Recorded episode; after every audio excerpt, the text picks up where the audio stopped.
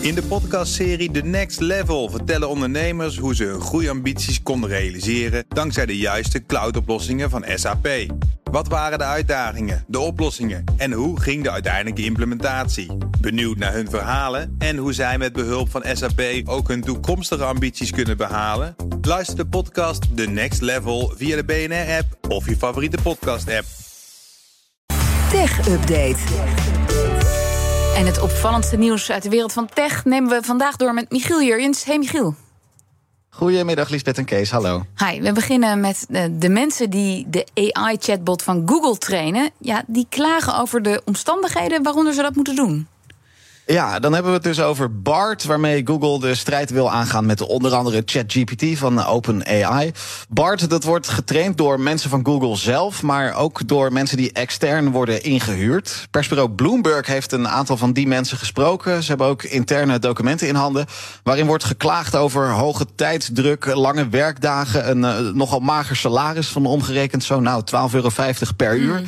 Deze bedrijven die willen natuurlijk dat hun bots antwoorden geven die menselijk overkomen. Maar het moet ook duidelijk zijn dat de bot de vraag begrepen heeft. Dat hij kan reageren als iemand doorvraagt. Het moet allemaal nog feitelijk juist zijn. Heel complex en dus worden die AI-bots continu getraind. Maar ja, je kunt dus een beetje je vraagtekens plaatsen bij de manier waarop dat gebeurt. Deze mensen die zeggen dat ze steeds lijsten krijgen met vragen van gebruikers. En ook de antwoorden die Bart daar dan op geeft.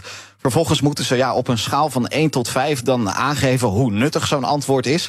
Maar eh, zo klagen ze, daar hebben ze soms maar drie minuten de tijd voor per vraag. Oh. Dat moet in een razend tempo moet het allemaal gebeuren.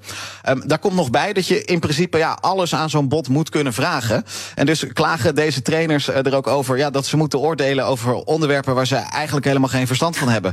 Uh, ga er maar aan, aanstaan. Ja. De ingewikkelde medische informatie zonder dat je ooit een dag geneeskunde gestudeerd hebt. Daar moet je dan ineens iets van vinden. Dus zeggen deze mensen, ja, dit is helemaal niet fijn werken op deze manier. Nee, maar en niet fijn, dat kan ik me al voorstellen. Maar ik vind het ook heel uh, verontrustend eigenlijk als een AI-bot zo getraind wordt door mensen die niet de juiste achtergrond hebben om iets te kunnen beoordelen. Maar goed, wat zegt Google dan zelf over deze klachten? Ja, nou, en daar heb je helemaal gelijk in, uh, Lisbeth, uh, dat je dat zegt. Dat, dat is ook wel gek. En uh, ja, dat wordt nu dus een beetje duidelijk door, door deze berichten. Alphabet, het moederbedrijf van Google, heeft wel gereageerd in een statement. Maar dat is vrij sumier en ook nogal algemeen. Ze zeggen, ja, wij werken hard om onze AI-producten op een verantwoordelijke manier te ontwikkelen. En ze zeggen ook, ja, niet alles hangt af van deze extern ingehuurde medewerkers. Er zijn wel meer manieren waarop we dit doen. Maar dat is het ook wel. Alphabet gaat verder ook niet in op de specifieke klachten van deze chatbot-trainers. En, en waar werken die mensen eigenlijk? In welk land? Weet je dat? Um, dat, dat kunnen verschillende landen over de, over de hele wereld zijn. Want okay. ook zo'n chatbot komt in meerdere talen. Dus ja, je hebt mensen over de hele wereld nodig uit verschillende taalgebieden. Ja, dus dat is Amerika, maar ook andere plekken. Dan, de EU is akkoord met een bedrijfsovername waarbij ruim 60 miljard dollar gemoeid is. Ja, je zei het net zelf al, Lisbeth, meteen maar even duidelijk maken. We hebben het hier niet over Microsoft dat gamefabrikant Activision Blizzard wil inlijven. Uh, daar gebeurt heel veel, daar gaan we het deze week ongetwijfeld nog over hebben. Dat is nog een net maar iets hoger geval... bedrag, toch? Ja, ja, ja, maar ja, het scheelt in miljarden uiteindelijk niet eens zo heel veel. Het gaat in dit geval om Broadcom. Dat is een grote chipfabrikant uit de Verenigde Staten. Dat al, een ruim, uh, dat al ruim een jaar bezig is om VMware over te nemen. Dat was ooit onderdeel van Dell. Is een grote speler in cloud software voor bedrijven. Overnamebedrag is 61 miljard. Ja, tussen aanhalingstekens uh, slechts 8 miljard minder dan in het geval van Microsoft en Activision Blizzard. En ook hier speelt het probleem dat er al best lang een deal ligt, maar dat toezichthouders huiverig zijn om akkoord te geven. Er zijn bijvoorbeeld zorgen dat concurrenten van Broadcom straks niet meer zomaar met de software van VMware kunnen werken en op die manier schade lijden. Nou, de Amerikaanse FTC doet nog onderzoek naar die ondername, overname. Hetzelfde geldt voor de concurrentiewaakhond in het Verenigd Koninkrijk, de CMA.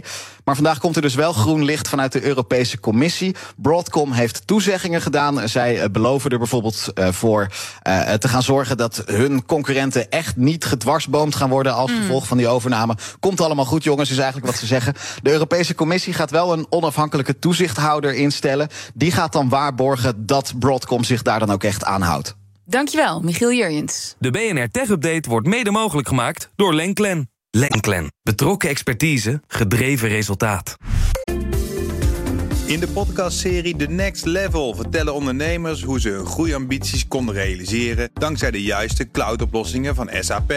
Wat waren de uitdagingen, de oplossingen en hoe ging de uiteindelijke implementatie? Benieuwd naar hun verhalen en hoe zij met behulp van SAP ook hun toekomstige ambities kunnen behalen? Luister de podcast The Next Level via de BNR-app of je favoriete podcast-app.